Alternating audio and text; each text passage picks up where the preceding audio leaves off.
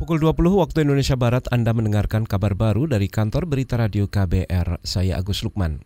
Kejaksaan Agung mengklaim menyi telah menyita sejumlah aset milik lima orang tersangka kasus gagal bayar asuransi PT Jiwasraya. Juru bicara Kejaksaan Agung Hari Setiono mengatakan penyitaan aset itu untuk mengembalikan kerugian negara. Menyangkut tanah ada prosedur tersendiri. Ya, jadi ada 84 pemblokiran terhadap tanah tadi yang diduga milik tersangka BT. Kita mintakan ke BPN. Kemudian ada 72 juga tanah yang diduga milik tersangka BT. Sedang kita mintakan pemblokiran. Tata cara penyitaan aset terhadap barang tidak bergerak ada aturannya tersendiri. Itu tadi juru bicara Kejaksaan Agung Hari Setiono. Selain aset tidak bergerak, Kejaksaan Agung juga menyita sejumlah kendaraan mewah termasuk kendaraan Toyota Alphard, Mercedes-Benz hingga kendaraan motor gede Harley Davidson. Aset-aset tersebut milik Hendrisman Rahim, kemudian Hari Prasetyo hingga Rahman Wiryanti yang merupakan istri dari Hari Prasetyo. Mereka merupakan tersangka dari kasus gagal bayar asuransi PT Jiwasraya. Beralih ke informasi lain, saudara anggota Dewan Kehormatan Penyelenggara uh, Pemilu DKPP Ida Burdiarti mengimbau para penyelenggara pemilu agar tidak sendirian saat menerima tamu. Tamu yang dimaksud adalah pihak-pihak yang punya kepentingan politik. Ida Budiati mencontohkan pertemuan antara anggota KPU Pusat Wahyu Setiawan yang tanpa pendampingan menemui politikus PDI Perjuangan yang menjadi calon anggota legislatif. Wahyu diduga menerima uang suap dan sejak hari ini Wahyu dipecat dari posisinya sebagai anggota KPU oleh DKPP.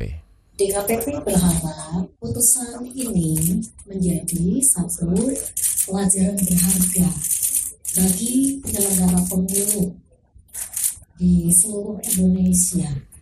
Ya bahwa kedekatan pertemanan persaudaraan persahabatan itu tidak bisa mengabaikan sumpah janji jabatan. Anggota Dewan Kehormatan Penyelenggara Pemilu Ida Budiati menambahkan, penyelenggara pemilu seperti KPU wajib mematuhi kode etik untuk mempertahankan profesionalitas dalam bekerja. Selain itu, penyelenggara pemilu juga wajib menjaga integritas, kredibilitas, dan kemandirian. Saudara hari ini aksi Kamisan kembali digelar di depan Istana Merdeka untuk mendesak pemerintah mengusut tuntas kasus-kasus pelanggaran hak asasi manusia masa lalu. Salah seorang pegiat hak asasi manusia sekaligus ibu dari korban tewas tragedi Semanggi, Maria Sumarsih menyatakan kecewa pada pemerintah karena hari ini saat aksi ke-13 tahun acara Kamisan mengelilingi istana justru dihadang aparat keamanan. Aca alasan penghadangan itu karena acara Kamisan dianggap sudah melewati teritorial perizinan demonstrasi di depan Istana Merdeka kegiatannya semakin dipersulit, semakin dilarang oleh aparat. Uh, kalau sebelumnya kami mengelilingi istana tidak ada hambatan apa-apa, tetapi untuk hari ini uh, ada ketentuan trotoar tidak boleh dilewati. Terus kemudian di Jalan Veteran 3 di pintu masuknya Wantimpres yang ketuanya adalah Wiranto, kami mau lewat di sana juga tidak boleh. Pegiat hak asasi manusia sekaligus juga keluarga dari korban tragedi Semanggi, Maria Hartiningsih, Maria Sumarsih mengatakan rencana aksi Kamisan hari ini dengan berjalan mengelilingi Istana Merdeka terpaksa dibatalkan karena dihadang aparat keamanan. Sumarsih tidak membantah bahwa aksi Kamisan hari ini melanggar aturan 100 meter jarak steril pendemo dari gedung istana. Tapi ia mengatakan pemerintah juga sudah sama-sama banyak melakukan pelanggaran. Kita ke Jawa Timur, saudara pemerintah kota Surabaya resmi menerapkan tilang elektronik atau e-tilang untuk menindak para pelanggar lalu lintas. Penerapan e-tilang diumumkan oleh Wali Kota Surabaya Tri Risma hari ini di Mapolda Jawa Timur. Sesudah tilang elektronik diterapkan, nantinya pada setiap jarak 15 meter di jalan-jalan di Surabaya akan dipasang kamera yang mampu memotret kendaraan dengan kecepatan tinggi. Bahwa kamera kami itu tiap 15 meter ada kamera kami di seluruh wilayah Surabaya.